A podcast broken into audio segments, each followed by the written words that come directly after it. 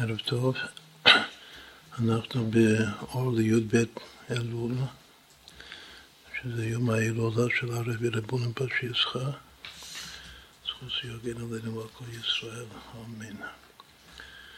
אז נפתח עם כמה דברים שלו שגם קשורים לזמן שלנו. אחד מהרמזים שלמדנו לגבי השנה הבאה עלינו לטובה, תשפ"ב, הוא שווה את הסיום של ברכת כהנים. יעשם לך שלום.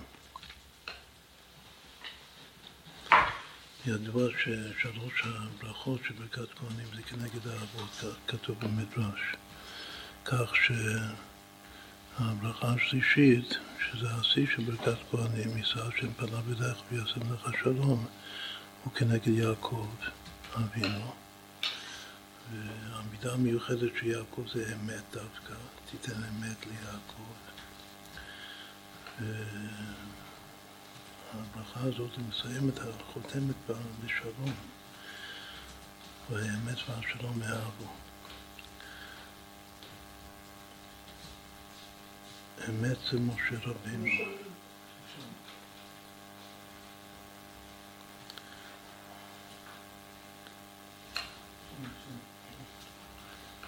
אמת זה משה רבינו, משה אמת ותורתו אמת. ושלום זה אהרון, האח שלו, הנה מה טוב ומה נעים שבט אחים גם יחד. אהרון הוא אוהב שלום, רודף שלום, אוהב את הבריות ומכוון לתורה. אהרון הוא מברך אותנו, ולכן הוא גם חותם בשלום ויעשה לך שלום.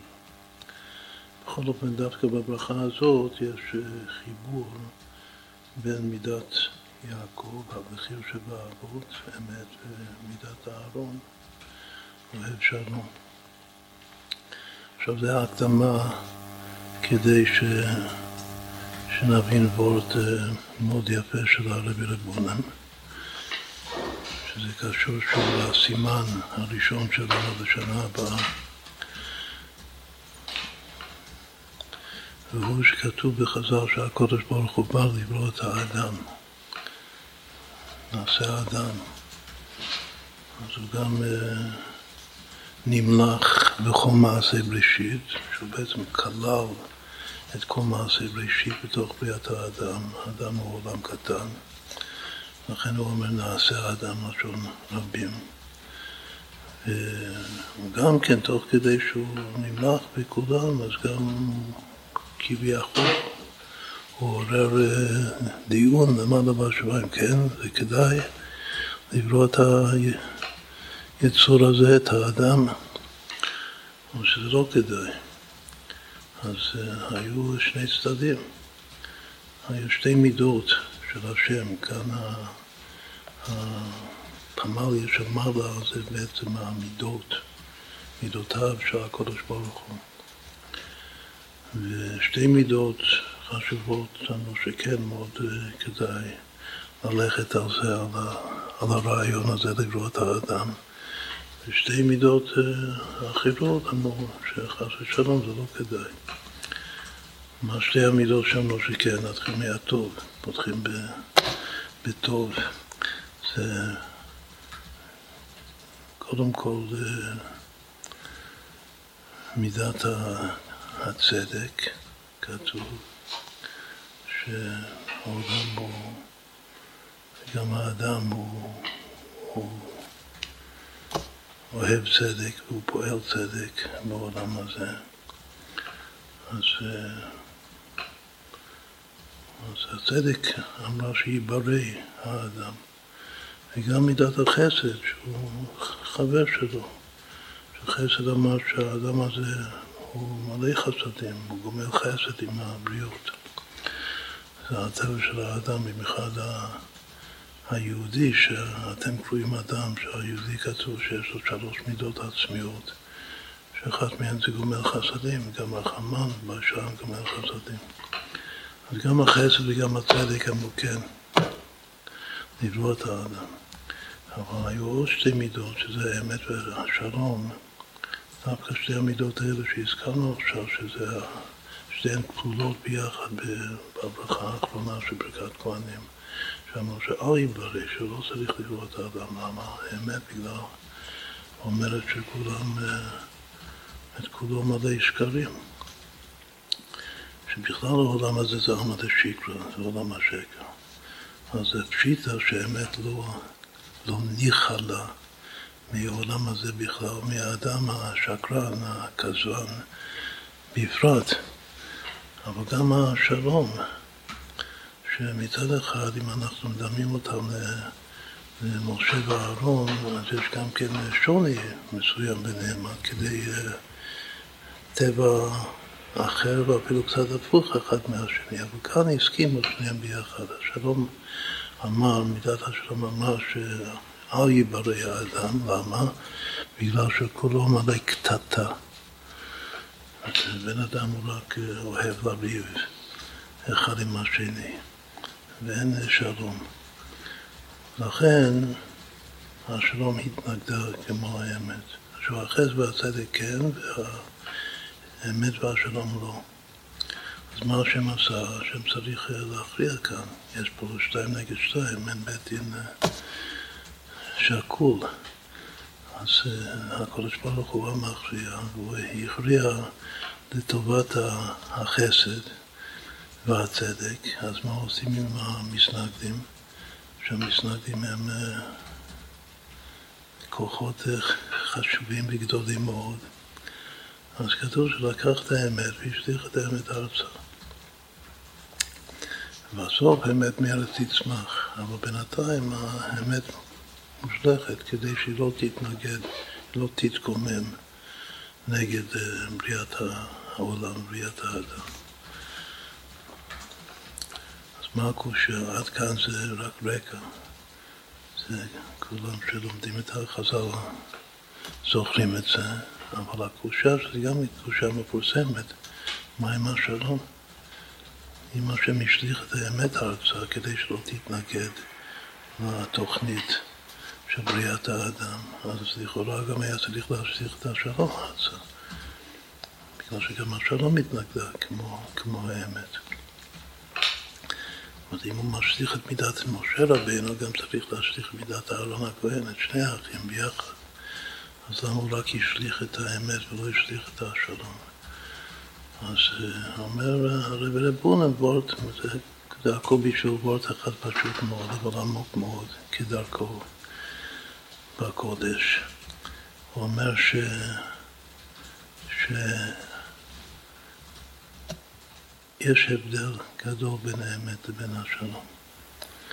שאמת לא יכול להיות בלי שלום, אבל שלום כן יכול להיות בלי אמת. היות שאמת לא יכול להיות בלי שלום, אז, אז צריך להשליך את האמת ארצה. אבל שלום, מה הכוונה ששלום כן יכול להיות בלי אמת? יכול להיות שלום שהוא לא שלום פנימי, שלום אמיתי. יכול להיות שלום בין אנשים שזה למראית עין, אבל מי יודע מה, מה יש בלב החבר עליך בפנימיות. אז אם יש שלום, אפילו למראית עין, שלום חיצוני, זה יכול אה, למנוע מעיקר הטענה בהתנגדות של השלום, שהעולם הזה זה מלא קטטה. אז אה, זה יכול להיות שלום בלי אמת, מה, מה זה קשור לאהרון שהזכרנו אותו הרגע. שבאמת אהרון היה עושה שלום בין, בין אנשים לכאורה רקע שזה לא אמיתי. הוא היה אומר שמותר לשנות. הוא הולך לזה ואומר שההוא החבר שלך שרבת איתו מתחרט וככה לשני עד שהיו נפגשים ברחוב היו מתחבקים אחד בשני והיה שלום בעולם. עכשיו, ידוע שבחסידות מסבירים שהשינוי שלו, שלכאורה זה שקר, שזה ההפך האמת, ממש כך הוא עשה את השלום. במידה מסוימת זה האמת לאמיתו. כמו שגם אנחנו אוהבים להסביר שאמת לאמיתו זה יכול להיראות, ובדרך כלל זה באמת נראה כהפך האמת. אז האמת, מה זה האמת האמיתו? שבפנימיות הלב, אפילו בתור מודע, כמו שכל יהודי מאמין בשם, גם מאמין ביהודי, כמו שהפרשנות אומר, גם אוהב את היהודים. יש לו אהבת ישראל.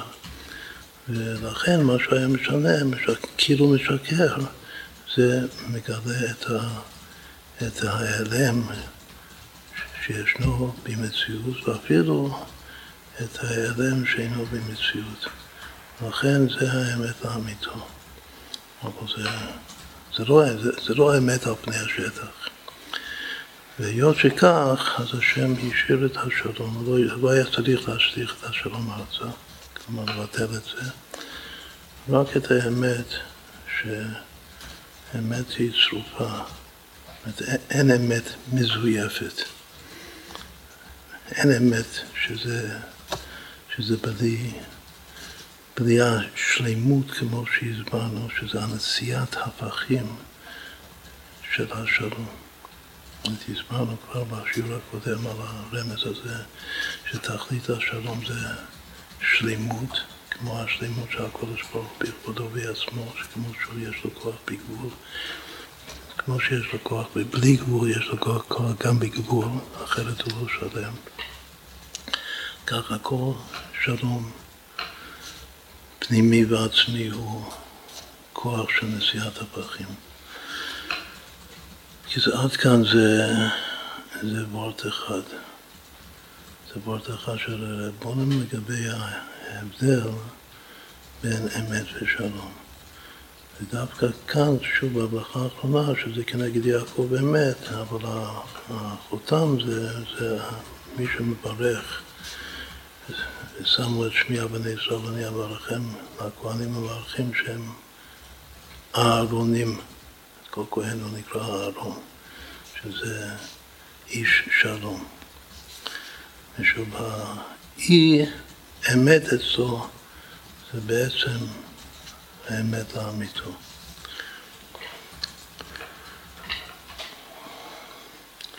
עוד שני,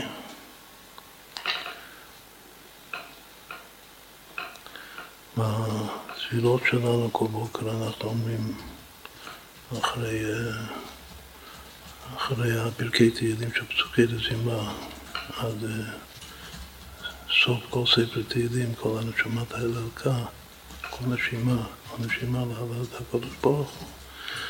אחר כך אומרים קטע מספר דברי הים, שכתוב בה יברך דוד את השם לעיני כל הקהל ויאמר דוד אתה השם וכבודו.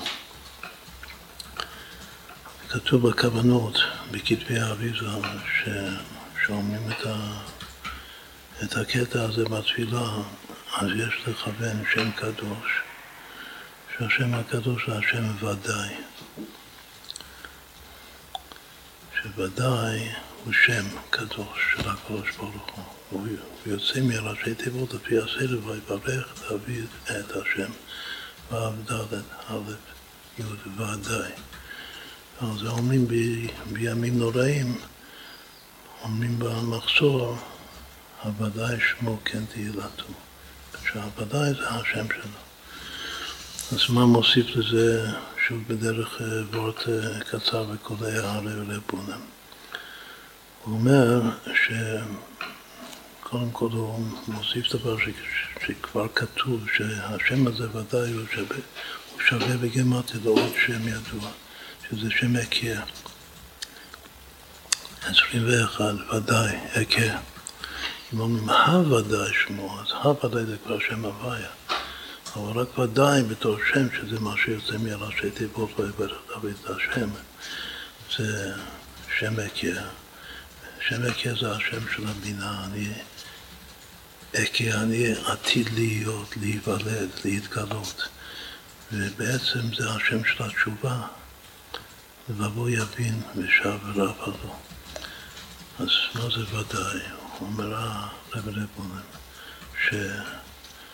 שאהיה טוב בוודאי מעתה. מי שעושה תשובה צריך לחשוב שעד עכשיו, עד, עד, עד, עד הרגע הזה, עצם הרגע הזה הייתי לא בסדר. אבל מכאן והלאה אני הולך להיות בסדר. אם, הוא, אם אין לו ביטחון בזה, כאילו אין לו ודאות בזה, אז לא תשובה. זאת אומרת שתשובה צריכה להיות עם מימד מסוים של ביטחון וכאין ודאות שאני הולך להיות בסדר. שוב, המילים שלו בקטע, איך שזה, איך שזה מובא בספרים, שאהיה טוב בוודאי מעתה. ככה כתוב בלשון. אם עושים גרמטיה מהביטוי הזה, אהיה טוב בוודאי מעתה, זה דוד בריבוע. מי הבעל תשובה בכלל בתנ"ך? הבעל תשובה הגדול זה דוד, בספר דברי הימים כותבים אותו מלא יוד, לשפח. כלומר שדוד שווה 24. והביטוי הזה של הרב רבונים, שהתשובה זה, זה יהיה טוב, בוודאי מעתה שווה 24 בריבוע. כלומר שכל מילה בממוצע זה 12, זה בריבוע קדם. שזה הסיום, החותם של היוד גם מידות של מיכה, כמו שלמדנו לאחרונה, אשר נשבעת לאבותינו מימי קדם. מה זה מזכיר האבות הזה? ש... שהבעל תשובה הוא צריך להיות עם ודאות של, של אהיה טוב, בוודאי, מעתה. למשל, הרקע, עד הרגע הזה אני לא טוב, אני לא בסדר, אבל יכול להיות ברגע מה זה תשובה. זה המודעות שברגע אחד, בשעת אחת, יכול להיות שינוי מן הקצה לקצה, שינוי מהותי ממש. כמו המקדש אישה, מנת שניצדי גמור ונמצא רשע גמור, ש... שאם הרהר בתשובה היא מקודשת. מה שבהרהור בעלמא מתהפכים מן הקצה לקצה, מהרע לטוב. מי זה מזכיר? זה מזכיר את הרב רב זושה, שכך היה מתבטא את כל לילה בקריאת שמע של המיטה שלו, שזה בעצם התשובה, שעבודת התשובה שלו, היה אומר שעד, קודם כל עבר כל העבירות שלו, כל הלא שהוא עשה, ומה שעד עד עכשיו הייתי לא בסדר לגמרי. אבל ממחר בבוקר אני כבר בסדר. אז נאמר שזה אותו וורט.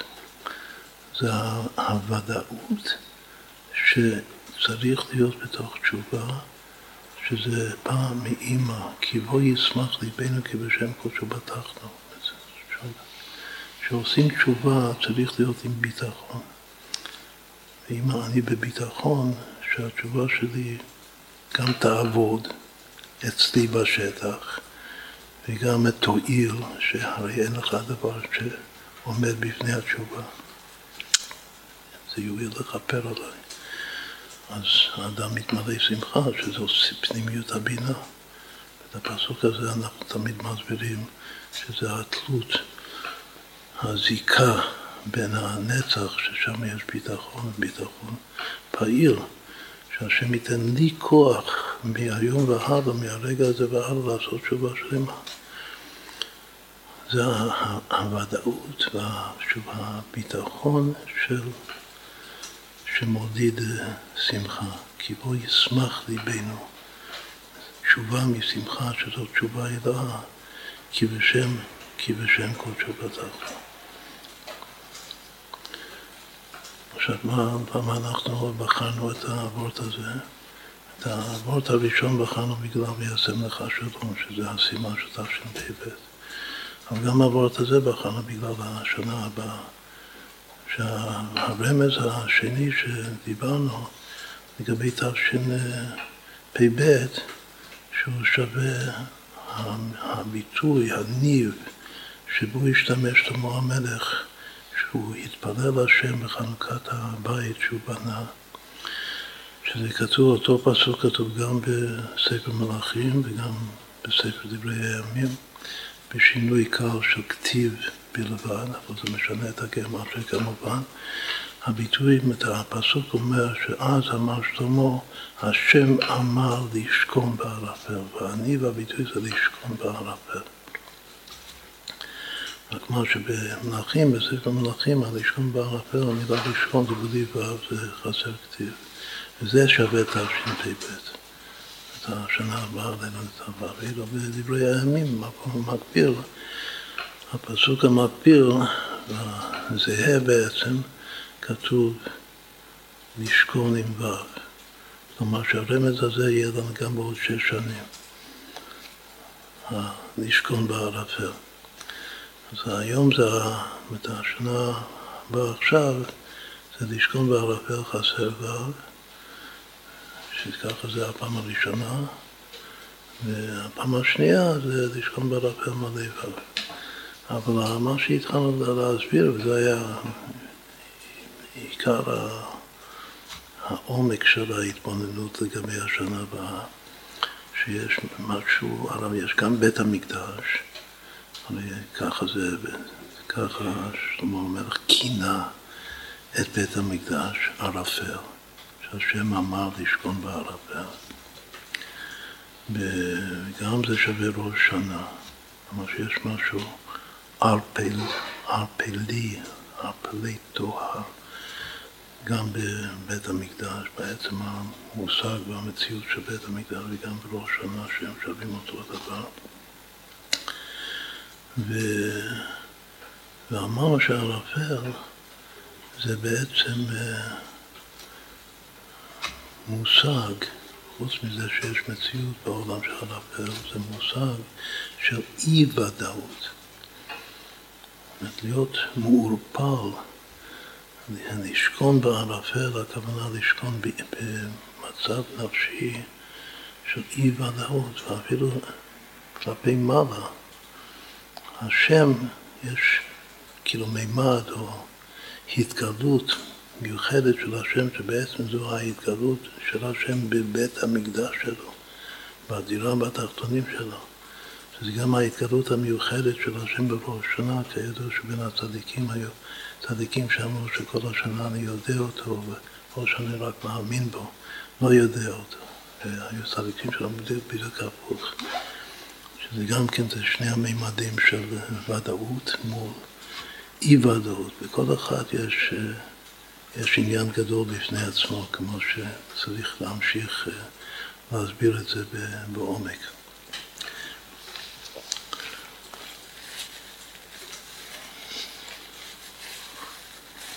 אז כאן הוורד של הרב לבונם אומר שיש משהו בתשובה שזה צריך להיות ודאי. והוודאי, הוודאות זה שם של הקודש ברוך. והיה השם למלך הכל הארץ ביום ההוא יהיה השם אחד לשמו אחד. תמיד שואלים מה ההבדל בין השם אחד לשמו אחד.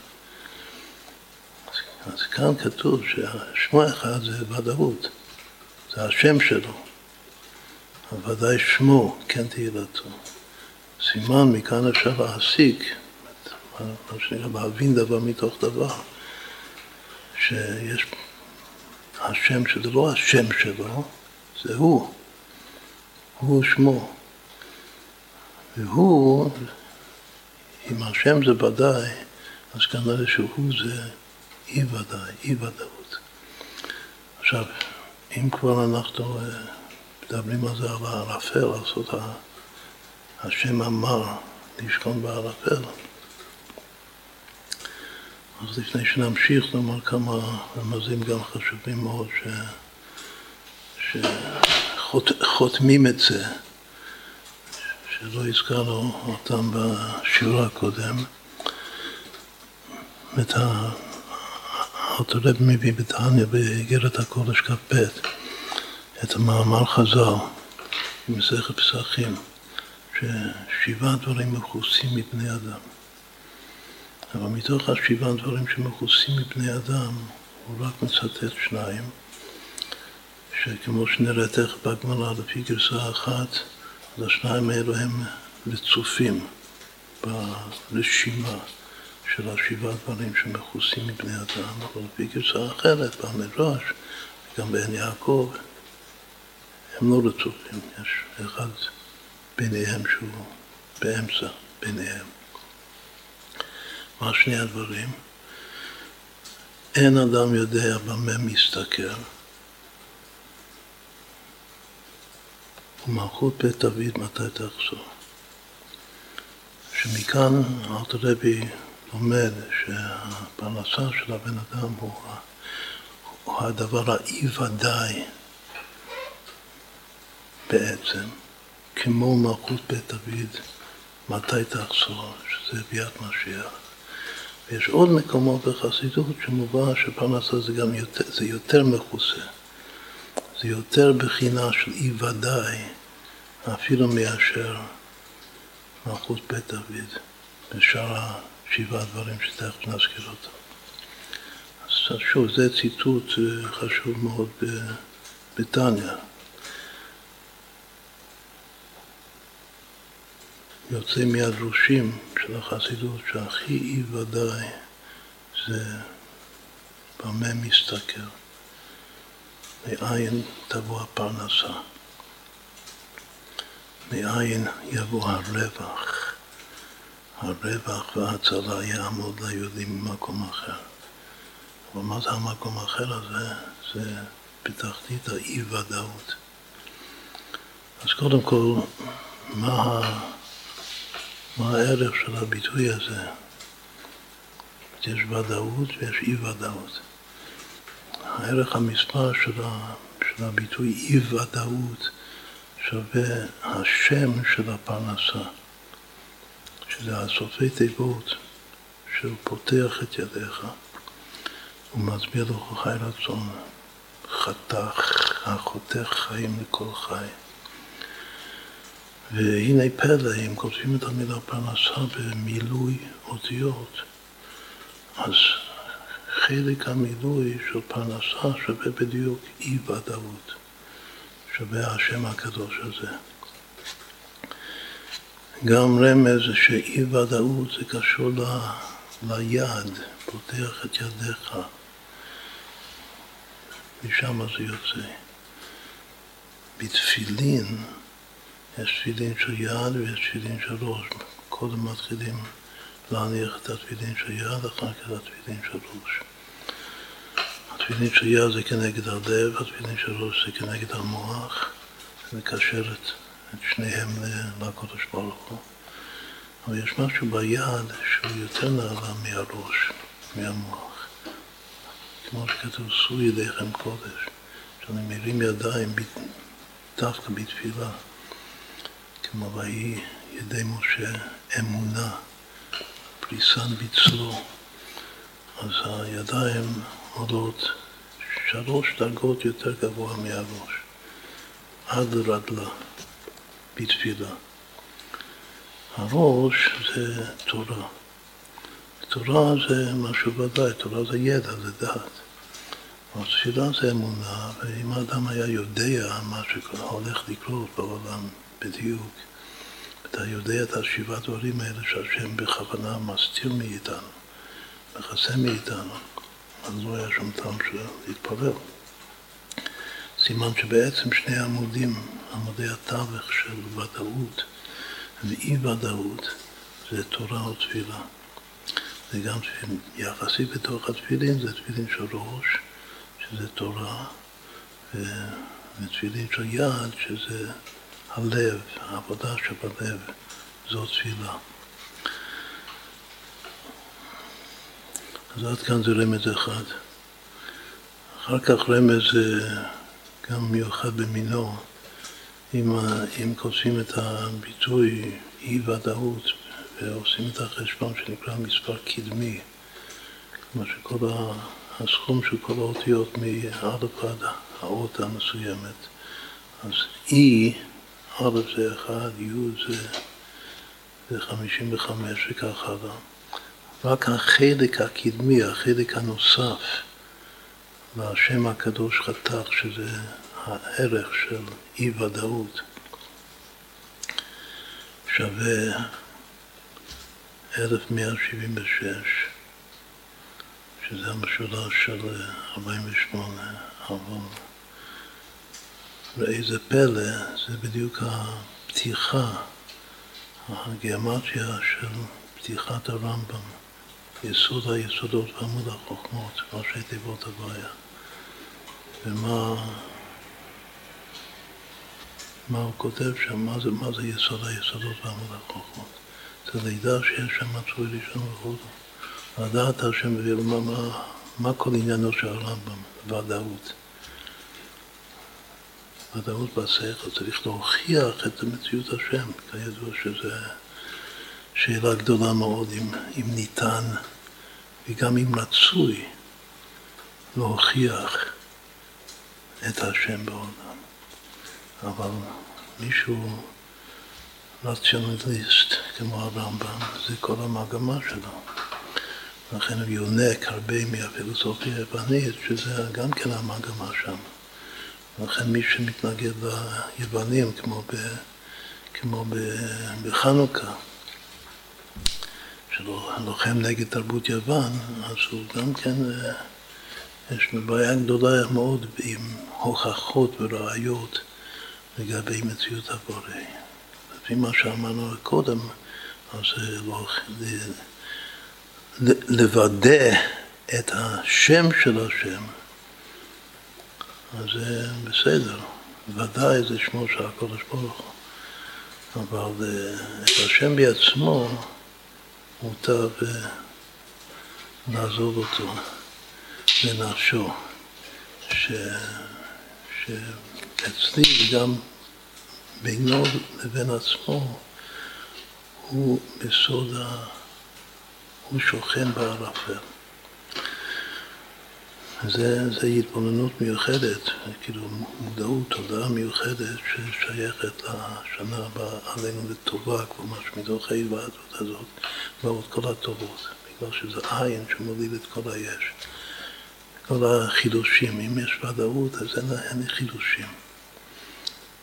הכל נתון. אם אנחנו רוצים אור חדש, שיר חדש, בגאולה שאין אחריה גלות, שזה חידוש גמור, אז צריך שראש שנה זה יהיה ערפל, שכל המציאות תהיה ערפל, שבהשם העצם שוכן שם. מתוך העין הזה, ערפל זה בעצם זה עין. כמה שווה ערפל ועין, שווה אמת, שזה חותמו של הקודש ברוך הוא. והנה פלא, מה זה אמת? זה ודאי בריבוע. אז הערפל שזה הסמל של האי-ודאות ביחד עם מה שהוא, שזה בעצם עין, היא, איך אומרים את המילה עין? זה היולי גמור, היולי בגיאומטיה עין, זה הערפל, שלשם משה ניגש. זאת הפעם הראשונה שיש ערפל בתורה שהכל הולך אחר הפתיחה, זה משה ניגש אל הערפל, ששם האלוקים. שזה ממש מקור מובהק להשם אמר לשכון בערפל. רוצים למצוא את האלוקים, האלוקים כאן זה העצמות, זה יותר משם הוויה. אז המשה, שהוא כאילו מצד עצמו הוא ודאי, הוא תורה, אבל הוא צריך לגשת קודם כל לתפילה. זה כמו שקודם צריך להתפלל. להתפלל זה גם מלחמת עמלק, שם הוא מתפלל, ויהי ידיו אמונה. עד בוא השמש. עד בוא השמש, עד, עד שהאור בא, שהאור האור של התורה שלו בא, אבל קודם צריך לפרוס את הידיים בצלו, שאו ידיכם קודש וברכו את השם. אז כל זה, זה בשביל אה, להסביר למה בחרנו את הוורד הזה של הרב רבונם לענייננו, בגלל שהוא כאן מדבר על, על המימד של הוודאות. שזה הקשר בין הביטחון לבין השמחה. קוראים לו שמחה, זה השם שלו. זה דבר המתבקש. ו... אבל לא בא בכלל לשלול את הערפל, אדרבה, מי שמכיר פשיסחה וכל המסורת זה, זה כל העניין של לומר בקיצור נמרץ. זה גם כן להוליד מתוך הערפל, למצוא שם את האלוקים בתוך הערפל ולהוליד מזה חידוש מפתיע, חידוש מפתיע לגמרי שאי אפשר להוליד מתוך uh, ודאות, כלל וכלל. עכשיו אז אמר שלמה, השם אמר, אמר זה ראשי תיבות אור מים לקיה. יש בפסוק פעמיים אמר, אז, אז אמר שלמה, השם אמר לשכון בערפל. מים לקיה זה, זה התהוות הכלים, הטיפין, שוב טיפין, הטיפה כאן, הרקיע זה איזה וורט קצרצר של הרבי רבונם. להוליד את זה מתוך האורה פשוט דרך התהליך שזה של ההתעבות, שזה בחינת מים. כמו שגם דיברנו על זה, הסברנו על זה בפעם הקודמת.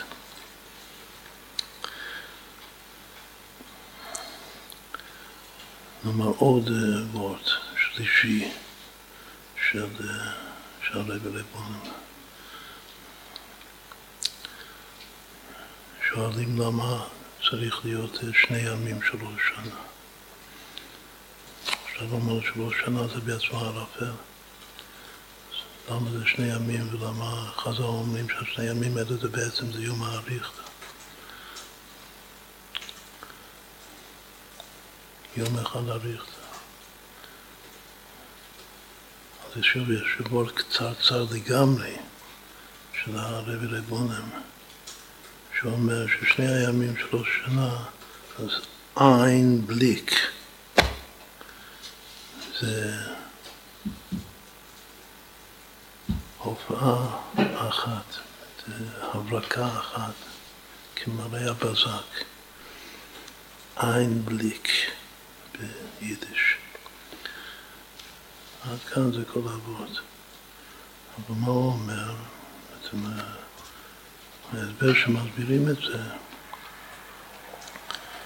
שיש קושה ידועה למה ראש שנה וגם בעצם כל עשרת ימי תשובה ביחד עם יום כיפור, למה זה חל בחודש תשרי של השנה הבאה, זה היה צריך להיות בסוף השנה החולפת, כדי שהימים האלה יכפרו לגמרי על כל, ה, כל מה שצריך לכפר, לתקן בשנה הקודמת. אז היה ראוי שהחותם, החתימה של השנה החולפת יהיו ראש שנה ועשרת ימי תשובה, שבת תשובה, ועד ליום כיבוד הנעילה. עד כדי כך שגם מביאים שבכתבי האריזה כתוב במקום אחד שיש דברים ש, ששנה אחת, שתשובה של שנה אחת לא מועילה לשנה קודמת. וגם שידוע אצלנו אבות שעבר זמנו ואתה כל פניו לא אמינן. אבל אפשר לומר שעבור את הגוף הזה, זה בעצם מה שאומר הרבי רבונם כאן. לפעמים יש בחינה לגבי מעשר בהמה ועוד, שאי אפשר משנה לשנה.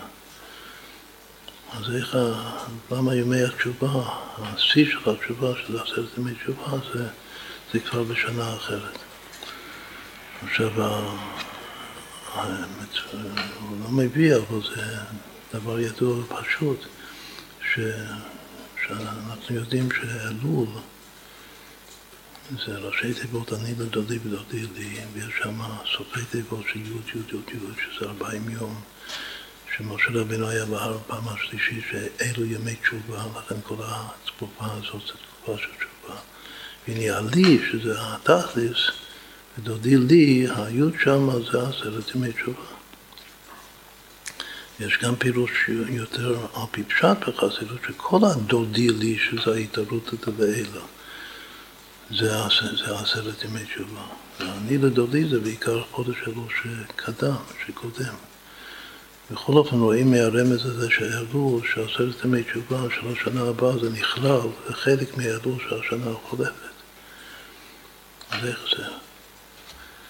אז האבורט הוא שיש משהו בעשרת ימי תשובה שמצד אחד זה למעלה מהזמן לגמרי, זה לא בתוך הזמן שלנו, עשרת ימי תשובה.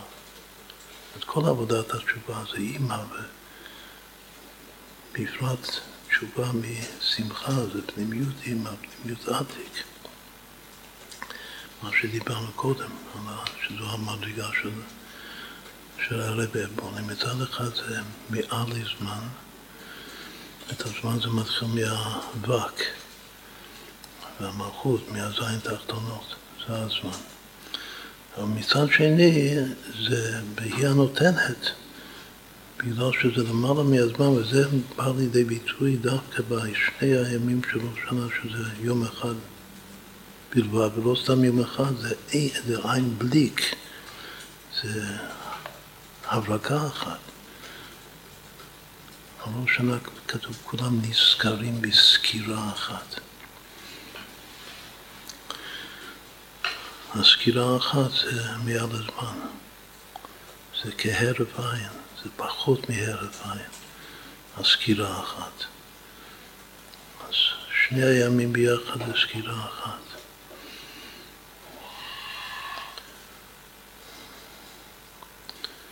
ואחר כך ההמשך זה עשרת ימי תשובה, זה כן כאילו עשרה ימים, אבל זה עשרה ימים שעולים לכאן ולכאן.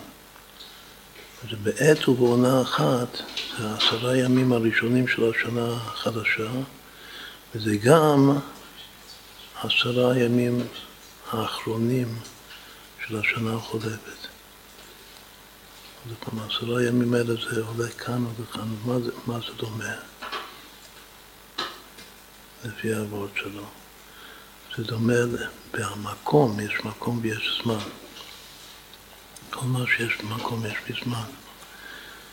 או שיש בזמן יש במקום. אז התופעה הזו של עשרת ימי תשובה בזמן זה מקביל למקום, לפנימיות של בית המקדש, איפה שהשם אמר לשכון בערפל, שזה בית המקדש שווה ראש שנה, כמו שאמרנו.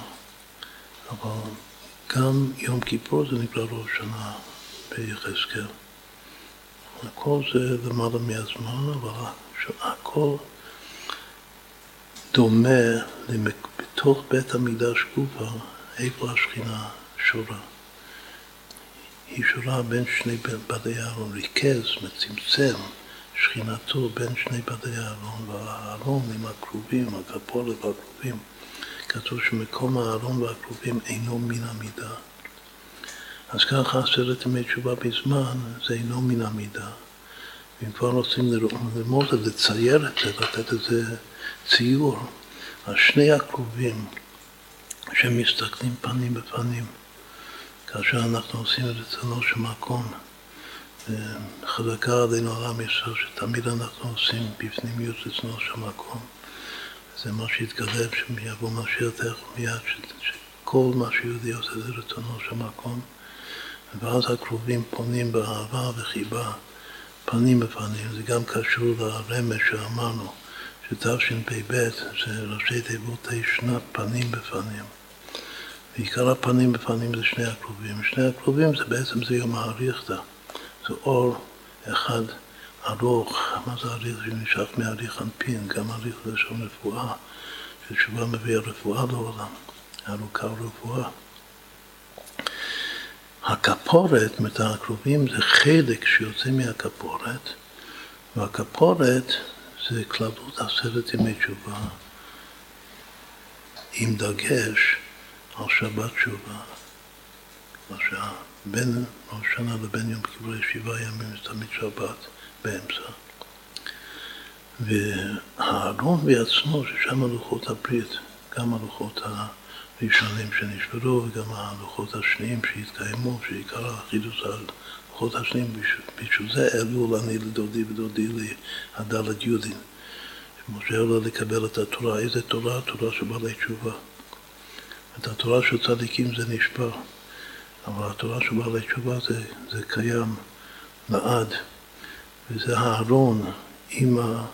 לוחות, ומתי זה ניתן? זה ניתן ביום כיפור, שמשה רבנו ירד עם, ה, עם הלוחות השניים.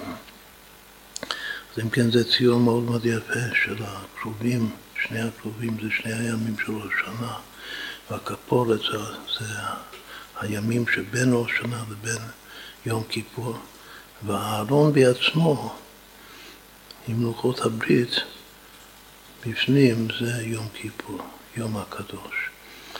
פשוט התורה, מתן תורה והתורה של בעלי תשובה, שזה תורה של נשיאת הפכים, זו תורה ש, שפועלת שינוי המהות ויוצאת, מתגלה מתוך הערפל, מה שהשם אמר, לשכון בערפל.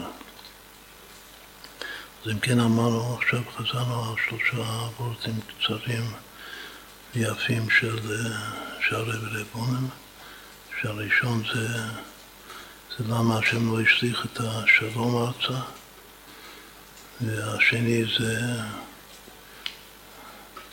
זה השם הקדוש ודאי, שזה שם של תשובה, זה מימד מסוים של תשובה, והשלישי זה הסוד של יום האריכתא. והביטוי הזה, שזה בחז"ל המקור זה נזכרים בסקירה אחת, שזה עין בליק. עכשיו מכאן, אלו שני הרמזים הראשונים שאמרנו לגבי תשפ"ב.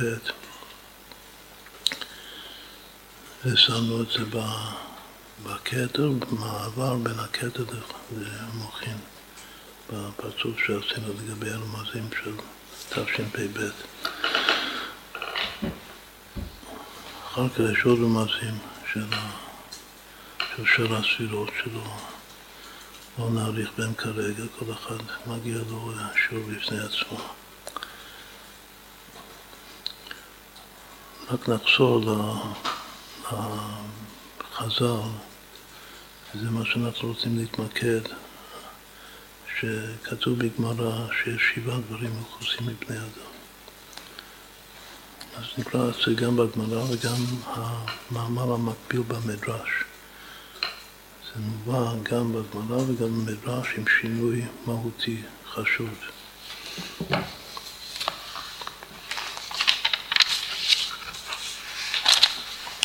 המאמר הזה בהחלט, זה, אפשר לראות במאמר הזה היסוד של, של האי-ודאות הרצוי. המפרשים מסבירים שבלי ההיעלם וההסתר והכיסוי, ההתקסיה של שבעה הדברים האלה, העולם לא היה מתקיים. כלומר שחייב להיות מכוסה גם מהחכמים הכי גדולים. השבעה דברים האלה כדי להבטיח, לייסד את קיום העולם. שוב סימן שלא הכל צריך לדעת. צריך ערפל. אם נחזור רגע, אמרנו שהערפל זה עבודת התפילה. השם אמר לשכון בערפל. שעיקר התפילות זה דווקא בראש שנה ויום כיפור. התפילות הכי גדולות ו... ועמוקות של כל השנה. לצורך המילה ערפל דיברנו שהאות העיקרית שם זה הפה ואחר כך הלמד, פה ולמד זה תפילה, זה אותיות תפילה. שתי האותיות הראשונות זה ער, ליבי ער, אני ישנה וליבי ער, זה מה שקורה ב... בהכנה לתפילה, כששומעים את כל השופר, אז אורו ישנים, צריך להתעורר, צריך לעשות שואה, צריך להתפלל, להתעורר ולהתפלל בערפל. גם יש משהו יפה שהשתי אותיות פ"ל של שהערפל בארמית לשון ביאור, כמו ביארת הרע מקרבך, ותפלה. פ"ל זה לבאר משהו, לבאר את כל פעם שיש ביאור הרע, שזה אחד מחמש המצוות הכלליות, כמו שמוסבר את זה במקום אחר. אז התרגום זה פ"ל. אז כנראה שיש משהו, כוח, מיוחד בעבודת התפילה מתוך אי ודאות, אבל אמונה. אי ודאות זה אמונה, ודאות זה דעת, שזה מבאר אצלך ואצלנו את כל המטרה, וממילא מכשיר אותנו לקבל את כל האור הקיטוב ואת כל החידוש המפתיע של מה שמצפה לנו, כמו שגם נראה כאן במאמר הזה. פ"ל זה תפילה, זה גם פלא, זה גם נפל, חבלים נפלו לי בנעימים. גורל.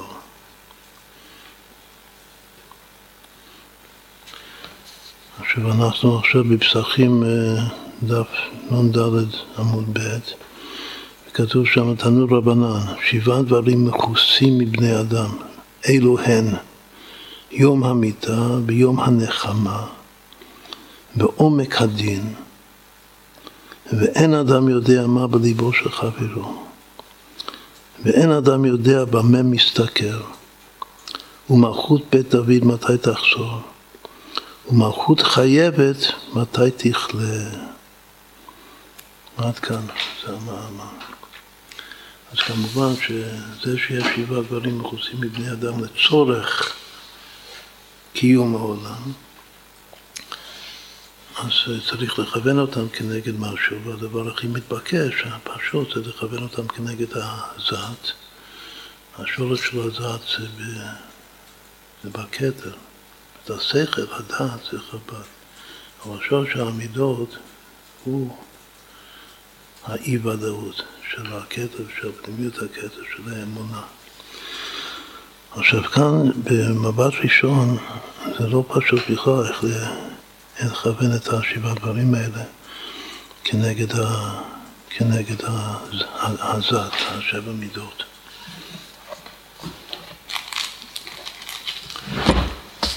עכשיו אין הרבה רש"י כאן, אבל נקרא איזה מה, מה כתוב כן ברש"י. רש"י מפרש, כאילו צריך לפרש מתוך השבעה דברים רק רק שלושה. ומה הוא מפרש? הוא מפרש מה זה יום נחמה. הוא אומר, יום נחמה של כל אדם, מתי יתנחם מדאגתו. זה פירוש פיולי שלא הייתי חושב על הפירוש הזה. וגם שאר המפרשים לא חושבים על הפירוש הזה.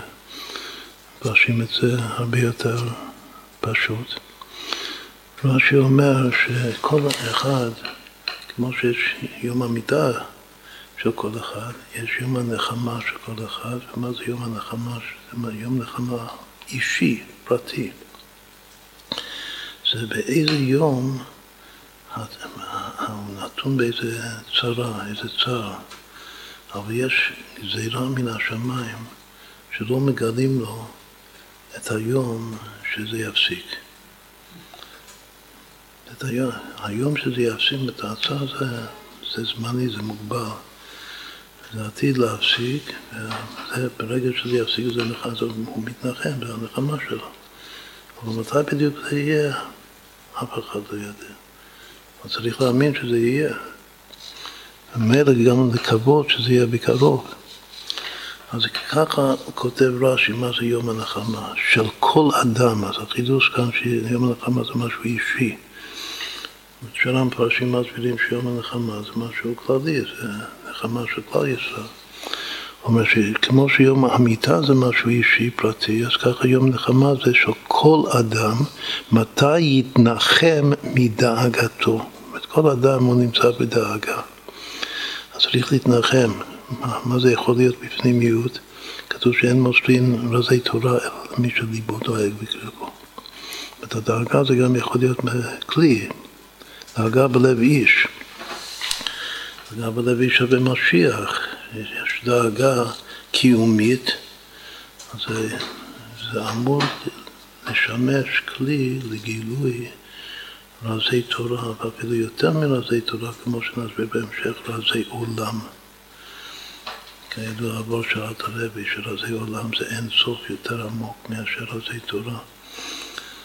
בכל אופן, אז זה, לפי זה הנחמה כאן זה הגילוי רזי תורה. שאז אז פתאום הדאגה הזאת הפך להיות uh, משהו הכי חיובי. הפך להיות שאין מוסרים רזי תורה אלא למי שליבו אוהב. זה לזה כבר דרוש. אבל הפשט של רש"י זה מה שאמרנו. עכשיו, ההסבר השני של רש"י, שהוא מביא שני פירושים אפשריים. זה אחרי יום הנחמה כתוב עומק הדין. אז כותב רש"י, מה זה עומק הדין? הרוב טועים בו. פירוש אחד הוא שעומק הדין זה דין, דין תורה, באים שני בעלי דינים לדון לפני הרב ולפני הבית דין, לפני הסנהדרין, והדיינים הם מוגבלים. אין לדיין אלא מה שעיניו רואות. הוא לא יכול לדון חוץ ממה שנראה לו בגלוי. אבל כמה שלא יחקור, קודם כל יכול קצת אה, להתרשל, לחקור כראוי, אבל אפילו שכן יחקור כמה שהוא מסוגל, זה לא מבטיח בכלל בכלל שיגיע לעומק הדין. לכן צריך לפסוק את ההלכה שאין לדיין אלא מה שאיניו רואות. ללמד עליו זכות, זה אומר שככה זה הרצון של רחמונו, של התורה, של הקודש ברוך הוא, שהדין יצא לפי השכל המוגבל של הדיין, אבל עומק הדין הוא מכוסה מבני אדם. זה פירוש אחד של רש"י. כאילו בתכלית הקיצור, זה וורטים כמו הרבי רבונה. אי נמי עומק הדין העתיד, גם כן שלוש מילים. פירוש שני, אומר רש"י שעומק הדין זה עומק הדין של הקודש ברוך הוא לעתיד לבוא. שזה אף אחד לא יודע. זה מכוסה, מכוסה מבני אדם. עכשיו כאן אפשר לומר שיש עוד, אה, עוד שני פירושים. יש פירוש שהוא כתוב בין המפרשים, שזה לאו דווקא עומק הדין של הקודש ברוך הוא לעתיד לבוא, זה אפילו עומק הדין של הקודש ברוך הוא בעולם הזה. מה הכוונה? שהשם עושה עם כל אחד דינים. ואי אפשר לדעת, אתה לא יכול להבין למה מגיע למישהו משהו עכשיו, כאן ועכשיו. זה רק הקודש ברוך הוא יודע, ומסביר הבן איש חי שאפילו שעשרה אנשים יעשו בדיוק אותו הדבר עם כל התנאים, כל מה שאתה יכול להשוות ביניהם זה בדיוק אותו הדבר, כל אחד מגיע לו משהו אחר. בעולם הזה וגם בעולם הבא. אז יש עומק הדין של העולם הזה, שזה בדרך כלל ייסורים שעוברים על הבן אדם. למה? משום מה, מה זה בא לתקן? מה, מה עשיתי לא בסדר? עומק לא, לא יודעים. כל שכן בקו החומר היה הדין הסופי. עכשיו יש, כאן זה עיקר המפתח, העומק הדין הזה זה עיקר המפתח בשביל לכוון את. שבעה דברים כנגד הספירות העליונות. הייתי חושב במבט ראשון, בהשקפה הראשונה, שעומק הדין צריך להיות שייך למידת הדין. מידת הדין זה הגבורה. אבל כמו שנראה זה לא, לא הגבורה כאן. מה זה כן עומק הדין? עומק הדין זה כמו ההבדל בין אמת לאמת לאמיתו. עומק הדין זה, זה המשפט. שעל פי פשט משפט זה דין, אלה המשפטים, פרשת דינים. אבל לפי הסוד, המשפט זה עומק הדין. והמשפט זה בצדק תשפוט. המצווה עלינו כל שכן הקודש ברוך מקיים את זה, והמשפט זה רחמי. יש דין שהוא בעצם רחמים, וברגע שמגלים את הרחמים שבדין, הדנים ברחמים, זה עומק הדין. את עומק הדין זה ההפך מה שנדמה לך דין, כמו אמת לאמיתו ביחס למידת האמת. זה הרחמים שיש בתוך הדין, זה העומק של הדין. זאת אם כבר אמרנו את זה, אז קודם כל, עכשיו, שלושת הדברים הראשונים כאן מבין השבעה, זה כבר, זה קצת מתחיל להיות מובן, שזה מקשר, זה השלוש, שלוש המידות הראשונות, רק שכמו הרבה פעמים כתוב ששלוש המידות הראשונות, האצילות שלהם הוא שהגבורה נעצרת לפני החסד, יום המיטה זה הגבורה. למה, איך מסבירים המפרשים, למה, למה זה לצורך העולם שזה יהיה מכוסה ולא ידוע? אז ההסבר זה פשוט, שהשם רוצה שנעשה תשובה, כל ימה בתשובה. בשביל לעשות תשובה צריך אה, לקיים בהתבוננות שוב יום אחד לפני מיטתך. לחשוב שמא ימות מחר, אז צריך לעשות תשובה כל יום. מאידך, כתוב שאם האדם באמת היה יודע בוודאות שהוא הולך למות מחר, אז היה מתייאש. זאת אם היה יודע שהוא הולך למות בעוד חמישים שנה, אז הוא מתרשל, הוא לא לא עושה תשובה. אבל אם זה קרוב, קרוב, זה היה כאילו מבטל אותו, זה עלול היה לבטל אותו מכל פעולה. להפסיק להתעסק בישובו של עולם, ככה אחד מהפרשים מסבירים. ולכן השם מסתיר בכוונה, כלומר שיש משהו בכל ההסתרה כאן בין השבעה דברים שמבוססים בבני אדם, יש מימד של, נקרא לזה שמאל דוחב ימין מקרבת. יש משהו שאם זה היה גלוי זה היה לא טוב בשני אופנים. יש עניין לא לדעת לא לדעת את יום המיטה זה כנראה גם סגולה לאריכות ימים. ולא לדעת זה גם כן מתח שמניע תשובה. אם זה קרוב, אני לא יודע בדיוק, אבל זה קרוב, צריך לעשות תשובה.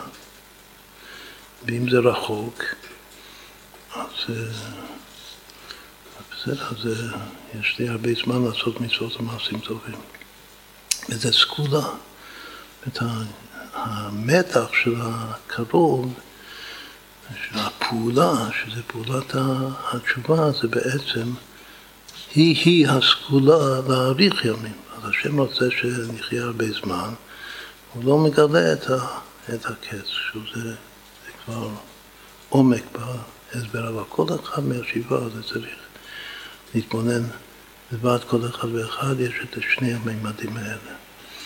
למה זה הכי טוב האי ודאות, לא לדעת הערפל.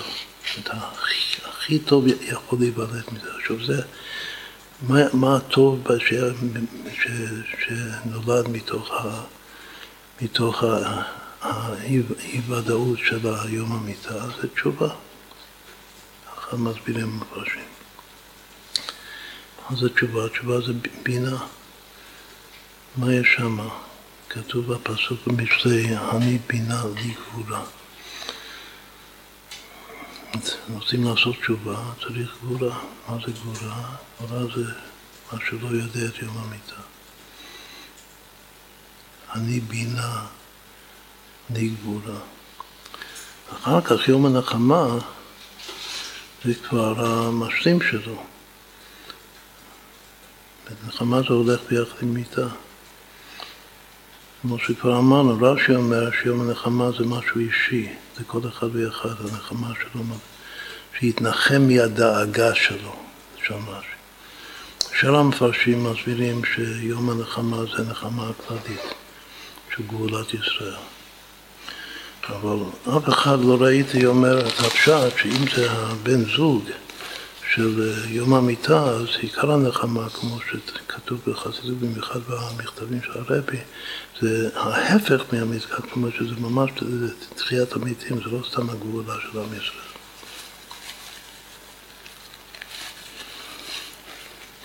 וגם כל אחד ואחד רוצים לדרוש את זה בפנימיות.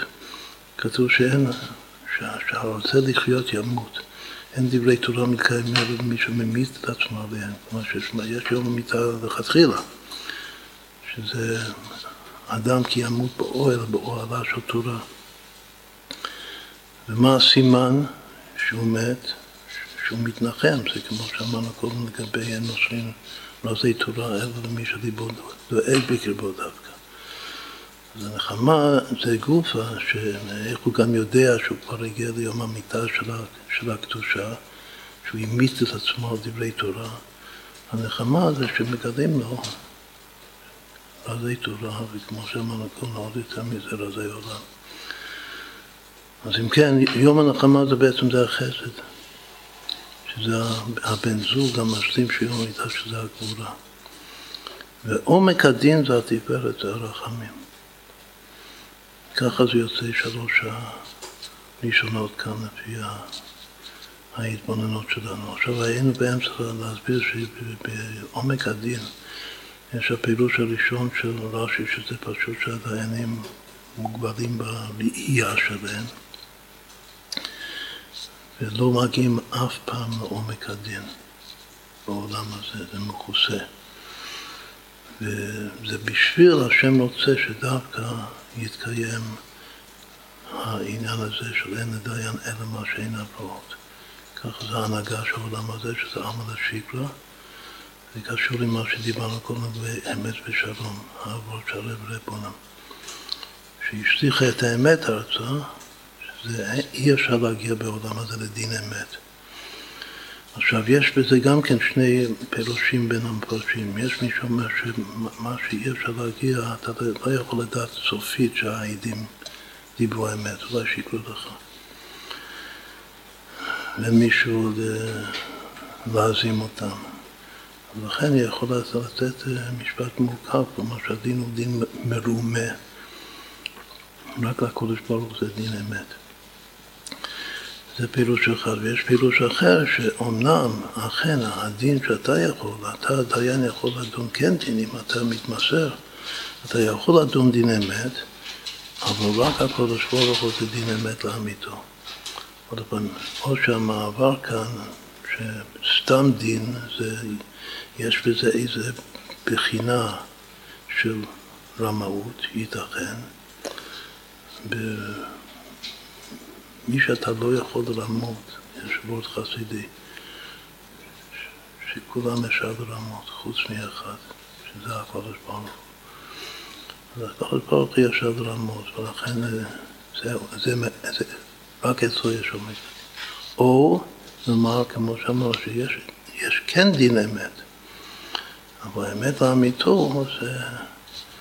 זה עומק הדין. עכשיו, באמת כתוב שכל דיין שדן דין אמת לאמיתו נעשה שותף עם הקודש ברוך במעשה בראשית.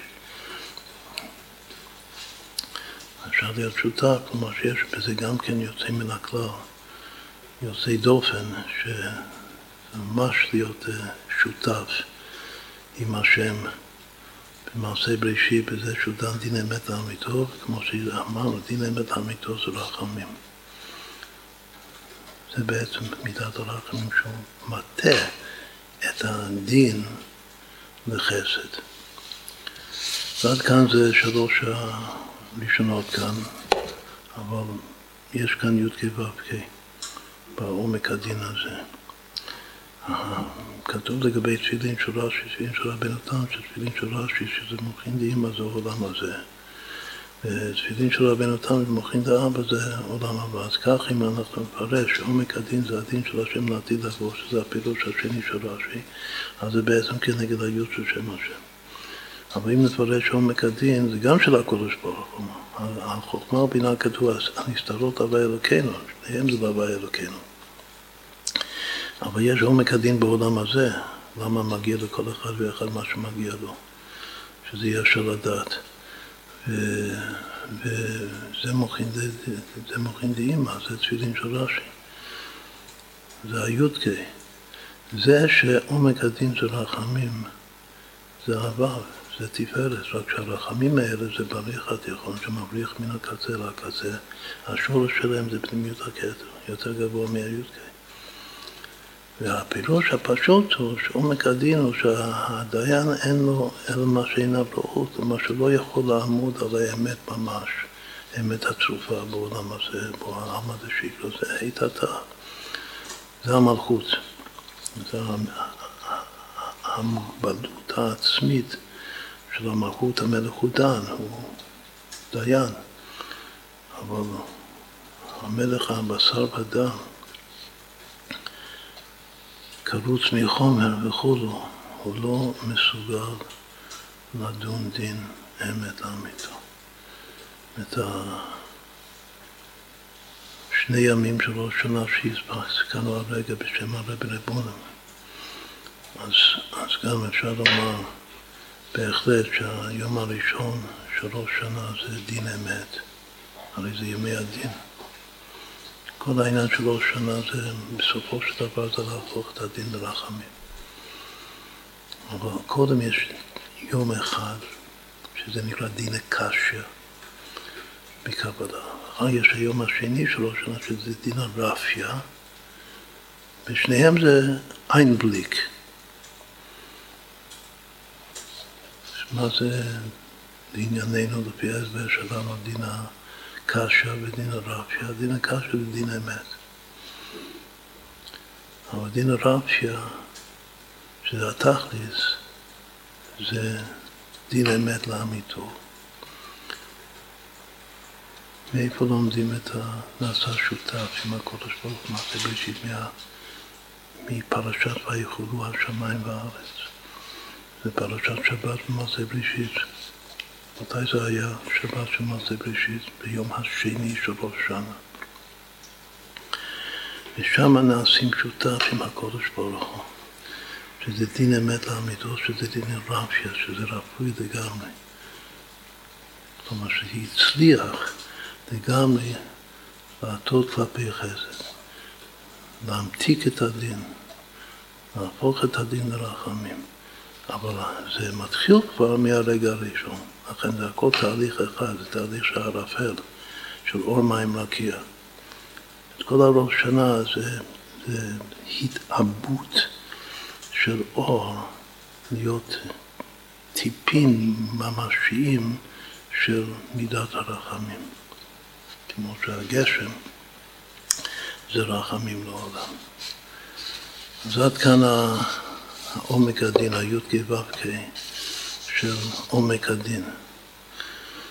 אחר כך בא, באים עוד ארבעה, שזה צריך להיות כנגד העניים. שהראשון זה לפי סדר הגמרא, כאן זה משתנה בין הגמרא לבין המדרש. גם הסדר וגם אחד הוא לגמרי שונה, מה שתכף נראה.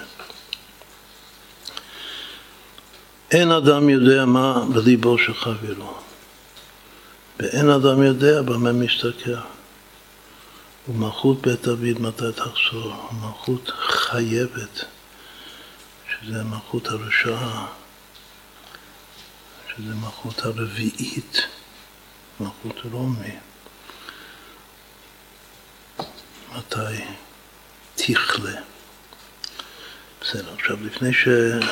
להמשיך להתבונן בזה, שזה העיקר, צריך לראות את המדרש. יש המהרש"ל מביא, שיש במדרש רש"י, הוא אומר שזה, אפשר לסמוך על זה, שהנוסח של המדרש יותר מדויק מהנוסח של הגמרא. גם בעין יעקב בגמרא יש קצת שינוי נוסח, שצריך להשלות. עכשיו, אז מה כתוב כאן ב...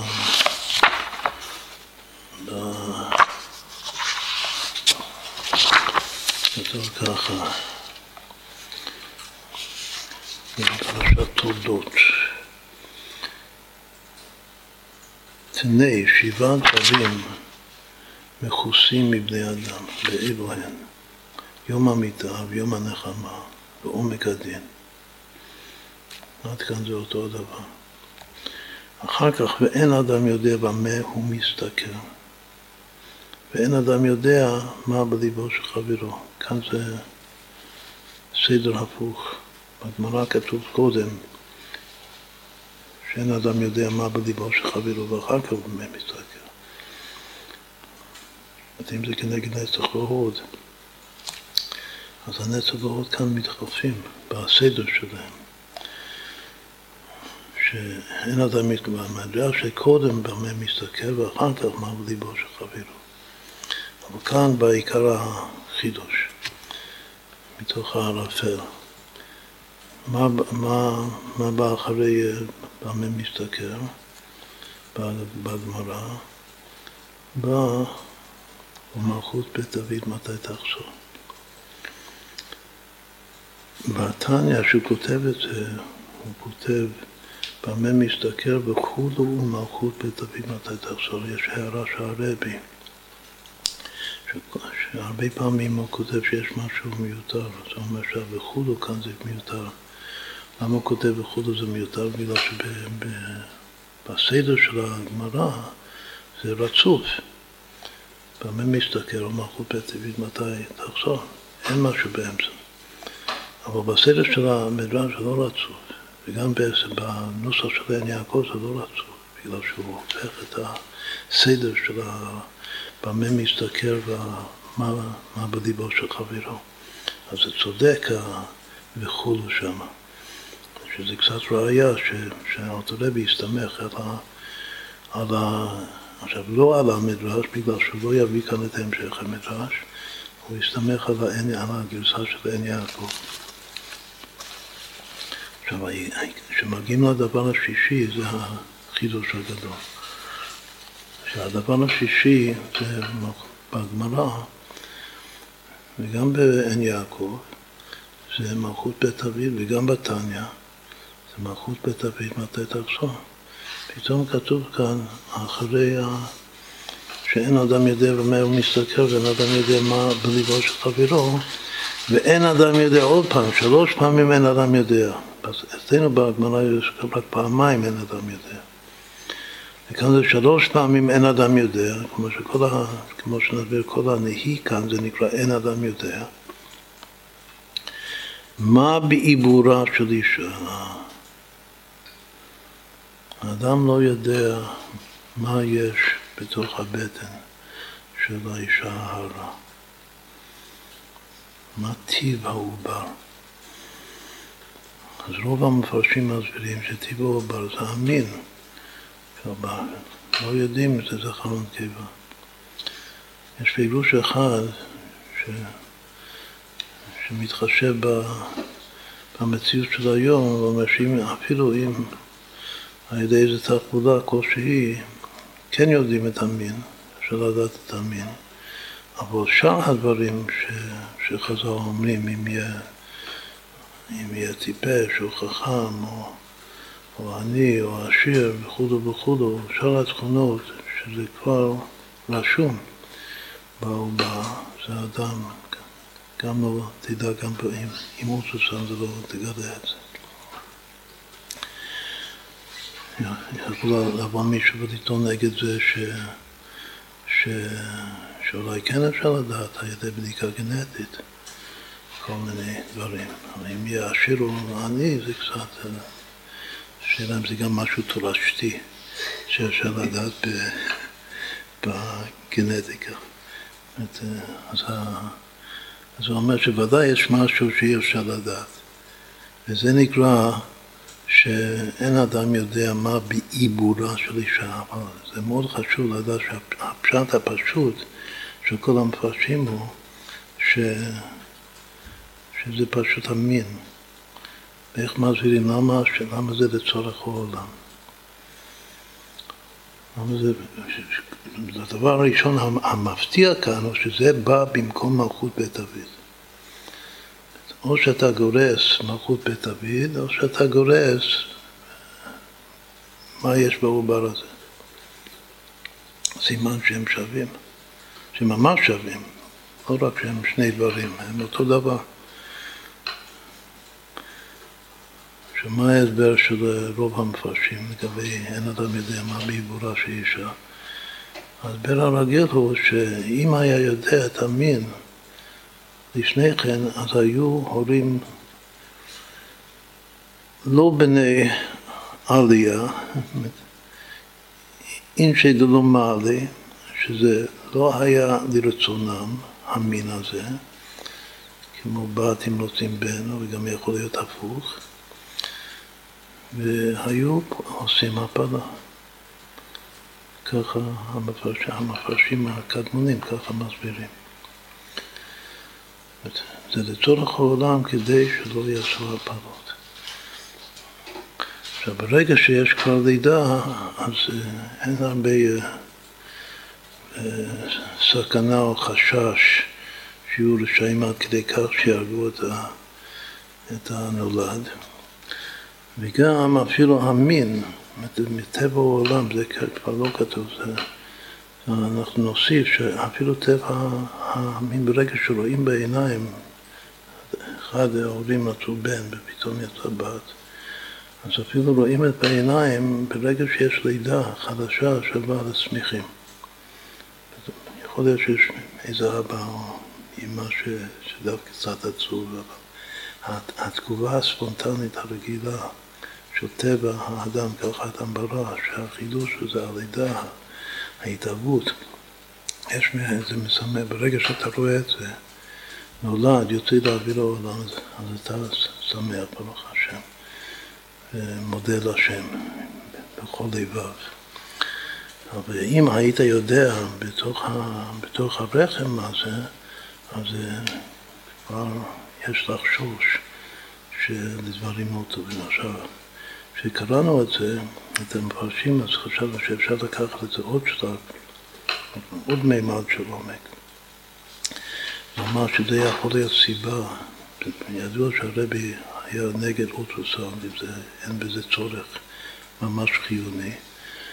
וחוץ מהטעם הזה, שכתוב, אם רוצים להעמיק אפשר לקשר את זה עם גם נושא ש...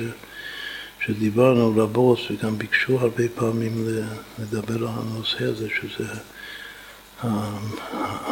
אפשר לומר המכה של הדור שלנו, של, של חוסר זהות ואיזה רצון אצל הנולד, אצל, אצל רבנו הבת, לשינוי המין, שהם לא רוצים מהמין. אז יכול להיות שאם, לדוגמה, אם אם ההורים יודעים מראש שיהיה כך וכך, שהמין יהיה כך וכך, וזה לא בדיוק לרצונם, הם היו מעדיפים את המין השני, אבל הם גם לא רק רוצחים, אז בדיעבד אה, בולים את זה, רק שכל הזמן הם לא, הם לא מרוצים מהמין. מה זה יכול להשפיע? ידוע כמה חשוב המחשבות של האבא, במיוחד של האימא, בזמן ההיריון, כמה שזה משפיע על העובר בעצמו, שייוולד. אז אם יש מציאות ש... שלא מרוצים מהמין, יש לומר שבוודאי זה מחלחל ומגיע לתוך הנשמה של העובר בעצמו. וכשהוא ייוולד, אז באיזה שלב הוא גם כן לא יהיה מרוצה מהמין של עצמו. עד כדי כך שזה יכול להניע אותו לרצון להפר ולהחליף את המין. אז אם כן, העניין הזה של, של המין של העובר וגם כמו שהמפרשים אומרים, שגם כל השאר כל התכונות שכתוב בחז"ל, אז, ה... אז זה, זה, זה ברור שזה כנגד שירת היסוד. דבר זה יסוד. ואם יש, לפי הנוסח שלנו של הגמרא, זה לא, אין את הדבר הזה. ובמקום זה יש מלכות בית דוד מתי תחזור. ואחר כך מלכות החייבת, מלכות הרשעה, מתי תכלה. אז יש להניח ששני אלה האחרונים זה יסוד המלכות. כאילו שעיקר המלכות כאן זה, זה מלכות החייבת, מלכות הרשעה. גבול רישה זה הפסוק שלומדים. וגם כן אמרנו שיש עוד, עוד רש"י קצר על דבר שלישי בגמרא. מלכות חייבת, אומר רש"י, רומי, שכתוב בה גבול רישה, רישה היינו חייבת. יש שלוש גרסאות, וגם כן זה בפני עצמו במדרש, כתוב ככה, כתוב מלכות הרשעה אימתי נופלת. עוד שינוי קל, אבל כל שינוי זה משמעותי. בגמרא כתוב מתי תכלה, ובמדרש כתוב מתי נופלת. יש עוד גרסה שלישית במדרשים, זאת אומרת המדרש הזה מופיע בכמה מקומות. יש עוד גרסה שלישית, אימתי תעקר. זה משהו, גם משהו יפה בפני עצמו. למה מצפים לגבי מלכות הרשעה, של מלכות החייבת? ומתי נופלת, ומתי תעקר, ומתי תכלה. איזה מבנה יש כאן. בכוונות של האריזל, ב-18 כתוב סומך נפלים לא יכולים מטיל אסורים. כתוב לכוון שם ביאה, שהנופל זה בעולם הבריאה, שנופלים מהאצילות לבריאה. והחולה זה בעולם היצירה, והאסיר זה בעולם העשייה. זו כוונה פשוטה, כתוב בסידור של אדמון הזקן. סומך נופלים בבריאה, אלפי חולים ביצירה, מטילה סורים בעשייה. לפי זה, זה כבר המפתח, שנפילה זה, זה בריאה. כאילו נפילה מהמלכות, מהאחיזה, אפילו באחוריים של המלכות של הקדושה, היניקה, ליפול מזה, שזה כבר קצת להתנתק, אבל יותר מזה זה להיעקר. להיעקר זה לנתק מהשורשים לגמרי. וזה כבר, זה כבר חולי של עולם היצירה. אבל התחתי זה לכלות. לכלות זה להתעיין לגמרי. מה שיותר מדי העקר, זה פשוט לא להיות יותר. שזה, שזה הנפילה הסופית. מה הכל זה של שלושה שלבים של נפילה. מאצילות לבריאה, מבריאה ליצירה, יצירה ל... אז ככה אפשר להסביר את שלוש הנוסחות כאן. זה הכל מלכות, מלכות הרשעה. ומלכות בית דוד, מתי תחזור, זה, זה הש, הש, השווי הזה בין מלכות בית דוד לבין עיבורה של אישה. זאת אומרת שמלכות בית דוד זה פשוט לידה, לכן המלכות בית דוד אומרים חבלי לידה. ועתיד להיוולד פה משהו. עכשיו, יכול להיוולד מלכות בית דוד בבחינת בת. עוד פעם, זה, זה לא כתוב, זה בדיוק מה שמתבקש כאן. שאם זה אותו הדבר, אז המשיח יכול להיות בת או בן, לפי זה. לא יודעים. עכשיו, אפילו אם המין שלו זה בן, הוא יכול להיות נשמה נוקבה, יכול להיות יותר חלש, יותר להיות כאילו פחות אה, בולט, יותר טבעי נקרא לזה. כלומר שתהליך טבעי של גבולה, כמו שיש גם חכמים גדולים שככה מציירים את הגאולה, דווקא הגאולה האחרונה, שזה תהליך יותר טבעי. אז אם זה תהליך יותר טבעי, זה, זאת אומרת, בהוליד בת, או שזה יכול להיות תהליך יותר ניסי לגמרי, שזה יוצא דופן גם כן, שמשיח נקרא, נקרא משהו יוצא דופן, קיסר, שקיסר או פלא קיסר, וזה להוליד בן. אז אם כן, מלכות בית דוד מתי תחזור, זה בעצם כאן מההשוואה יוצא שזה בחינת אין אדם יודע מה בעיבורה של אישה. וזה היסוד. עכשיו צריך לחשוב מה זה נס ומה זה הוד. אז קודם כל בשביל זה יש עוד חידוש במדרש. המדרש מביא לכל אחד פסוק, כדרך המדרש. ובגמרא הוא לא מביא פסוקים. עכשיו, מתוך הפסוקים שה, שהמדרש מביא, אז אפשר יותר להבין מה הכוונה הפשוטה של, ה, של המילים, כמו יום נחמה, מה זה נחמה. אז נראה את הפסוק שהוא מביא. לפי הפסוק זה יהיה מובן. אז אה, כתוב ככה, יום המיטה מנין, דכתיב גם לא ידע האדם את איתו. פסוק כואבת שאדם לא יודע את איתו. יום הנחמה מנין, דכתיב אני השם בידך ישנה. מכאן משמע שהוא, שהוא נחמה, זה לא כמו הפירוש של רש"י. זה כמו הפירוש השני, שזה יום נחמה של עם ישראל. בידך ישנה. ואין אדם יודע מה בעומקו של דין, שנאמר כי המשפט אלוקים הוא.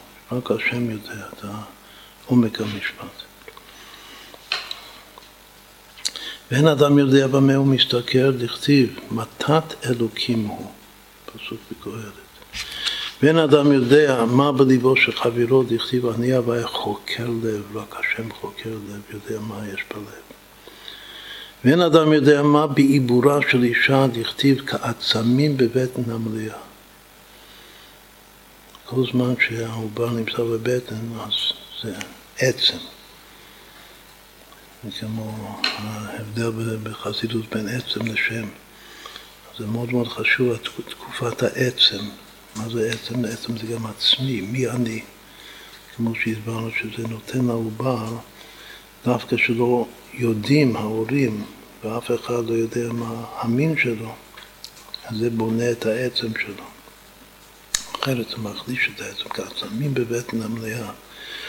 ומלכות הרשעים מתי נופלת, דכתיב כי יום נקם בליבי.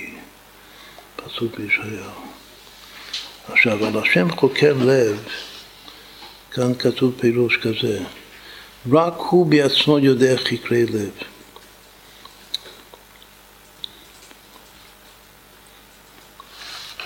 וקודם היה כתוב שאין אדם יודע מה בליבו של חברו, כדי שיאמינו איש לרעהו, ולא תרבה קינה ושנאה.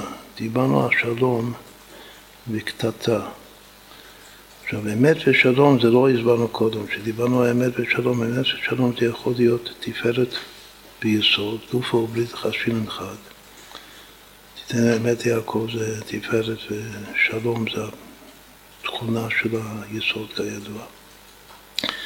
אבל אי הוא בנצח ואי הוא, זה, זה גם כן יכול להיות שאמת זה נצח, בגלל שההגדרה של אמת זה דבר נצחי, ואילו הוד זה שלום. למה הוד זה שלום? אז קודם כל זה משה ויהרון, משה הוא נצח ויהרון הוא הוד.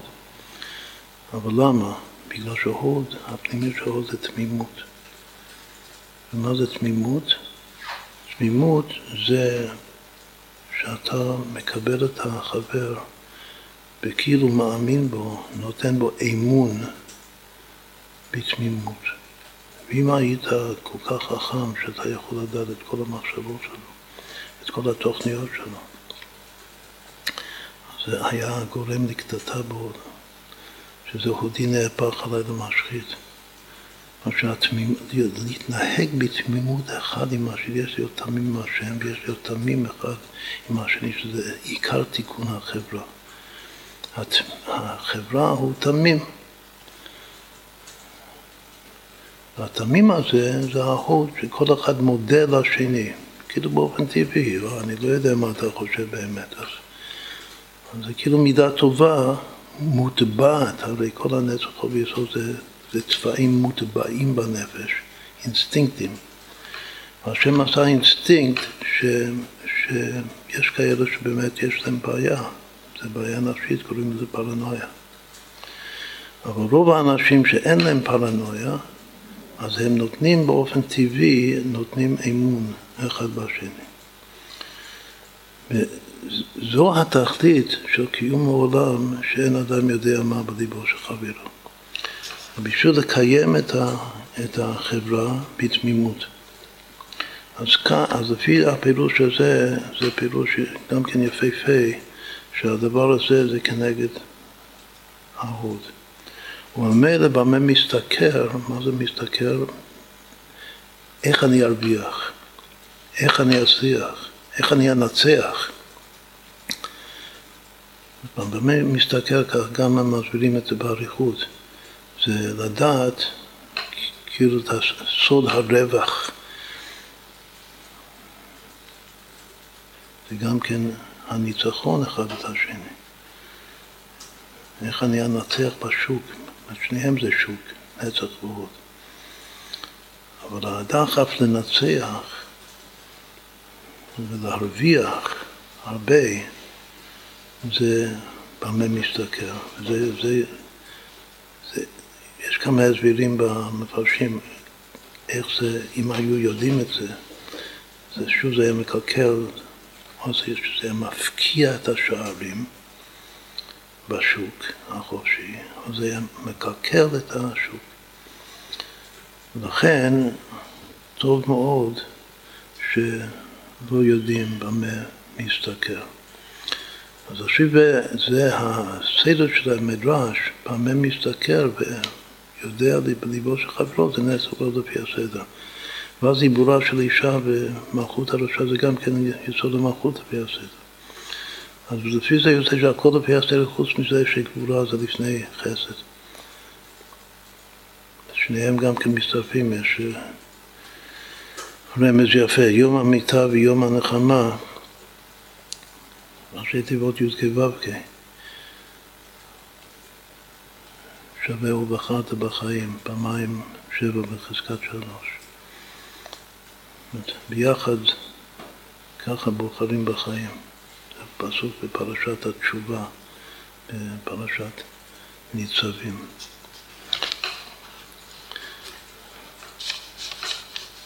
אז עד כאן זה תורף הדברים.